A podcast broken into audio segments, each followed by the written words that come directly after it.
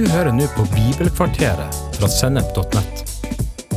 Bibelkvarteret er én kvarters påfyll i hverdagen fra Guds ord, både til inspirasjon og introduksjon til viktige temaer i Bibelen. Du vil også finne mer stoff på Sennep.nett som gir deg inspirasjon til å følge Jesus i hverdagen. Følg oss på Facebook og Instagram, og abonner på våre podkaster i Spotify, iTunes, Google Podkast, YouTube eller i den podkastappen som du bruker. Du har kanskje hørt noen si Gud har en plan for deg. Ofte tenker vi at det har noe å gjøre med hvordan livet vårt skal se ut. Hvilken utdannelse skal jeg ta? Hvor skal jeg bo? Hvem skal jeg gifte meg med? Dette er viktige spørsmål som jeg tror Gud har gode tanker om. Men er de nevnte spørsmålene egentlig hva Guds plan handler om? Tanken med en god plan det er at noe skal oppnås eller gjennomføres. Det er et mål i sikte, og planen er laga for hvordan det målet skal nås. Guds ord viser oss at Gud har alltid hatt et mål eller en hensikt som han styrer mot. Gjennom profeten Habakuk oppsummerer Gud det på denne måten. Jorda skal fylles med kunnskap om Herrens herlighet slik vannet dekker havbunnen. I Johannes' åpenbaring sier Gud det sånn.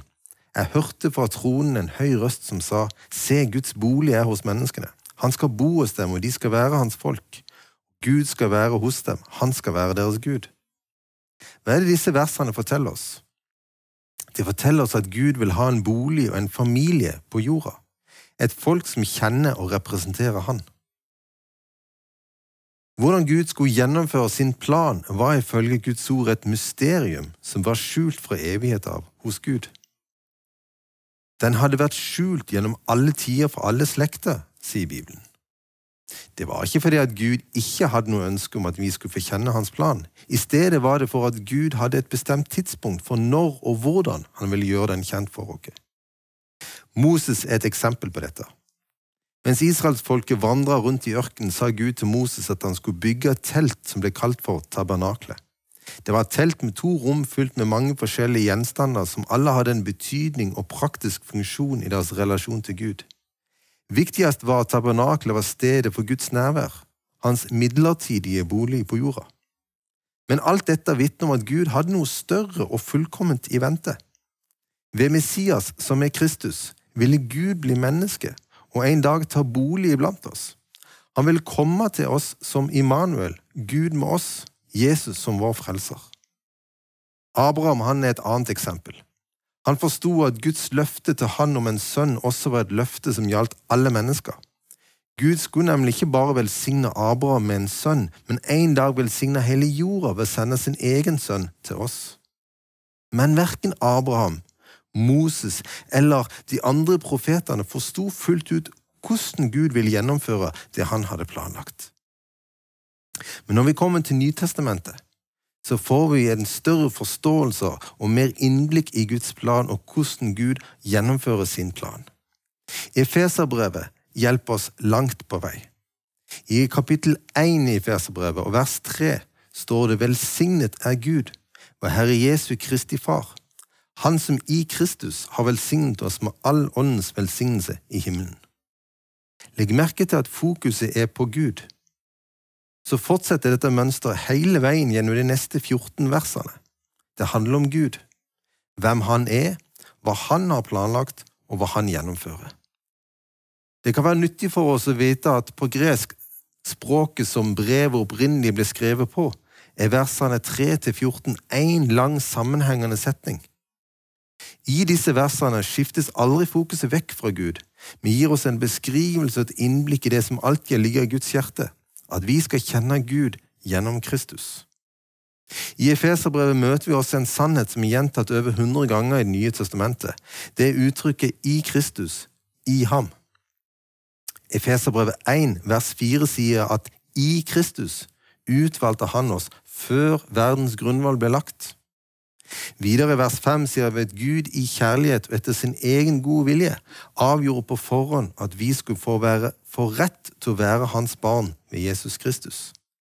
Dette er utrolig stort. Gud så oss som sin familie før vi var skapt. Her sier Gud noe om hensikten med vår eksistens. Vi er til fordi Gud ville det. Vi er skapt fordi Gud vil la oss få del i hans fullkomne kjærlighet. Han ville ha et folk, en familie på jord, der han ville bo midt iblant oss og være vår Herre og Gud.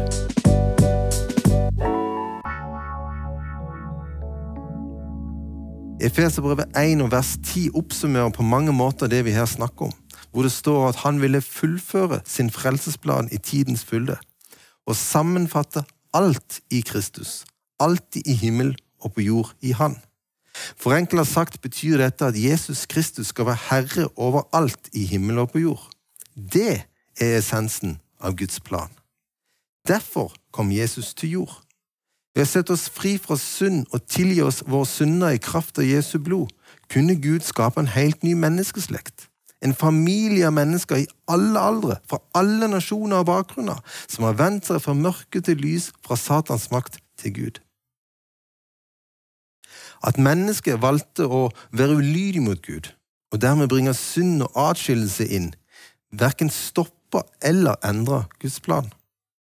Syndet skilte oss fra Gud. Synd gjorde at vi ikke lenger kunne leve i fellesskap med Gud og oppfylle hensikten med at vi var skapt som hans barn. Men planen, sånn som vi så at Efeserbrevet 1.10 oppsummerer den, den var aldri avhengig av deg og meg. Den har alltid hatt Kristus i sentrum og gjennomføres ved Han. Av den grunn kan vi si at Kristus er Guds plan. Derfor er det viktig at vi, at vi i vår forståelse av Gud og hans evige plan ikke starter med syndefallet i første Mosebok kapittel 3. Isteden må vi starte der Bibelen sjøl starter. Første Mosebok kapittel 1 og 2. Der møter vi det gjennomgående temaet i Guds ord om Gud som vår Herre og Skaper, som vil bo og ha fellesskap med oss. Du skjønner, Gud er et fellesskap. Han er far, Sønn og Den hellige ånd. Det har alltid eksistert et fullkomment kjærlighetsfellesskap mellom de, og et av de store kjennetegnene på kjærlighet er at den gir. Gud som er kjærlighet, har fra før vi ble til, planlagt å dele sitt, sitt fullkomne fellesskap med oss. Dette var den tilværelsen de første menneskene ble skapt inn i. De levde i et nært fellesskap med Gud. Og Bibelen beskriver dette fellesskapet når vi leser i Første Mosebok kapittel 3 vers 8 at Adam og Eva de hørte lyden av Herren Gud som vandra omkring i hagen i den svale kveldsprisen. Men resten av dette verset forteller oss at noe hadde skjedd som ikke var en del av Guds hensikt. Det står at mannen og kvinnen gjemte seg for Herren Gud blant trærne i hagen. Hvorfor prøvde de å gjemme seg for Gud?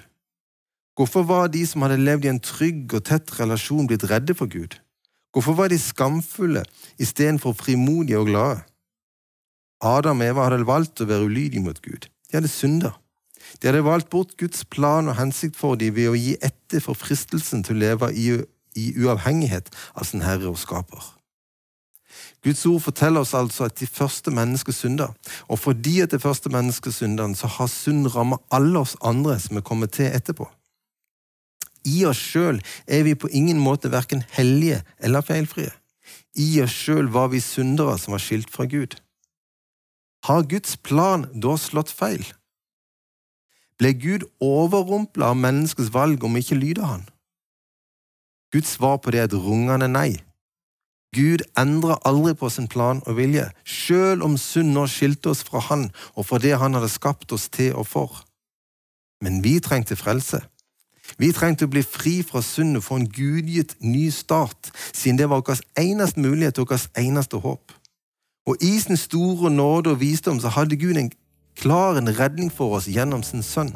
En redning som skulle ta oss tilbake til Han og hans evige plan og hensikt med oss.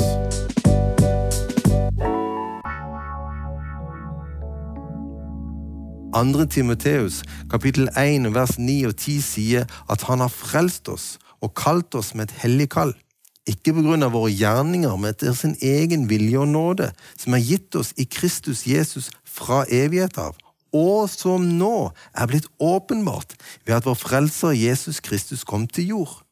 Han har gjort ende på døden og ført liv og udødelighet fram i lyset ved evangeliet. 1. Peter kapittel 1 vers 18-21 sier at dere vet at det ikke var med forgjengelige ting, som sølv eller gull der ble kjøpt fri fra det tomme livet dere overtok for fedrene.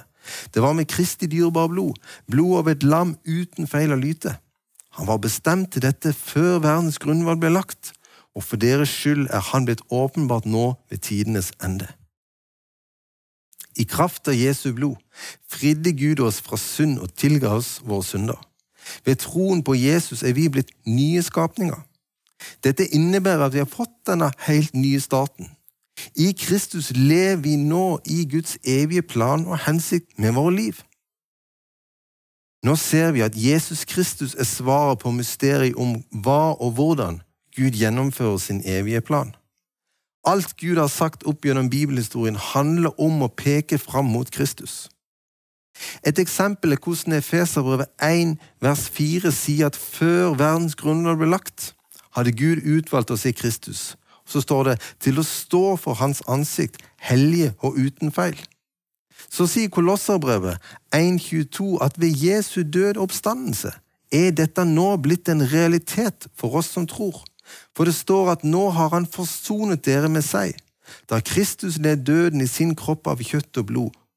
Hellige og uten feil og uangripelige vil han føre dere fram for seg. Evangeliet om Jesus Kristus forteller oss om hvordan Gud får sin familie på jord. Mennesker fra alle nasjoner blir i blir i Kristus forent til å være ett folk som lever med Han som Herre, og som demonstrerer for resten av verden hva det innebærer. Hva så med Guds plan for mitt liv?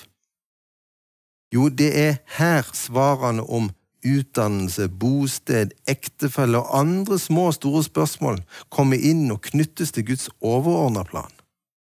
Som en disippel av Kristus vil jeg velge ut fra det som er Guds vilje. De valgene er alltid det beste for meg. På samme tid vitner de om hvem Gud er, og hva det innebærer å ha Kristus som Herre.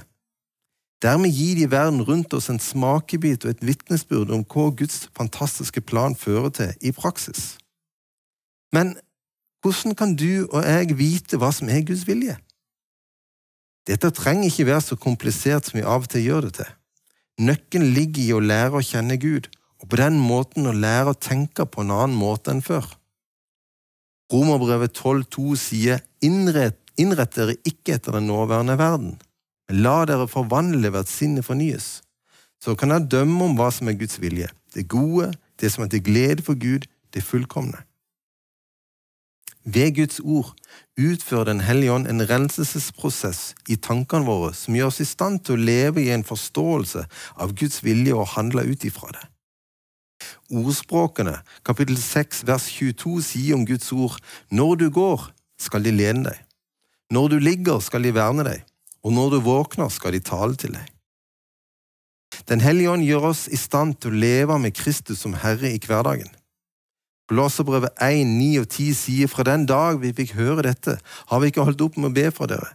Vi ber om at dere må bli fullt av kunnskap om Guds vilje, og få all den visdom og innsikt som Ånden gir da kan dere leve et liv som er Herren verdig, og som full, helt og fullt er til glede for ham, så dere bærer frukt i all god gjerning og vokser i kjennskap til Gud.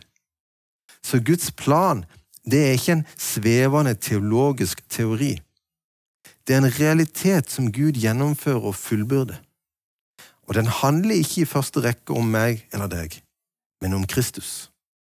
Det er åpenbaringen av hvordan Gud forvandler verden ved at Kristus er Herre.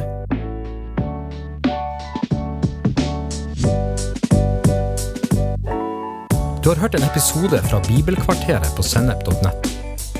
Du vil også finne mer stoff på sennep.nett som gir deg inspirasjon til å følge Jesus i hverdagen.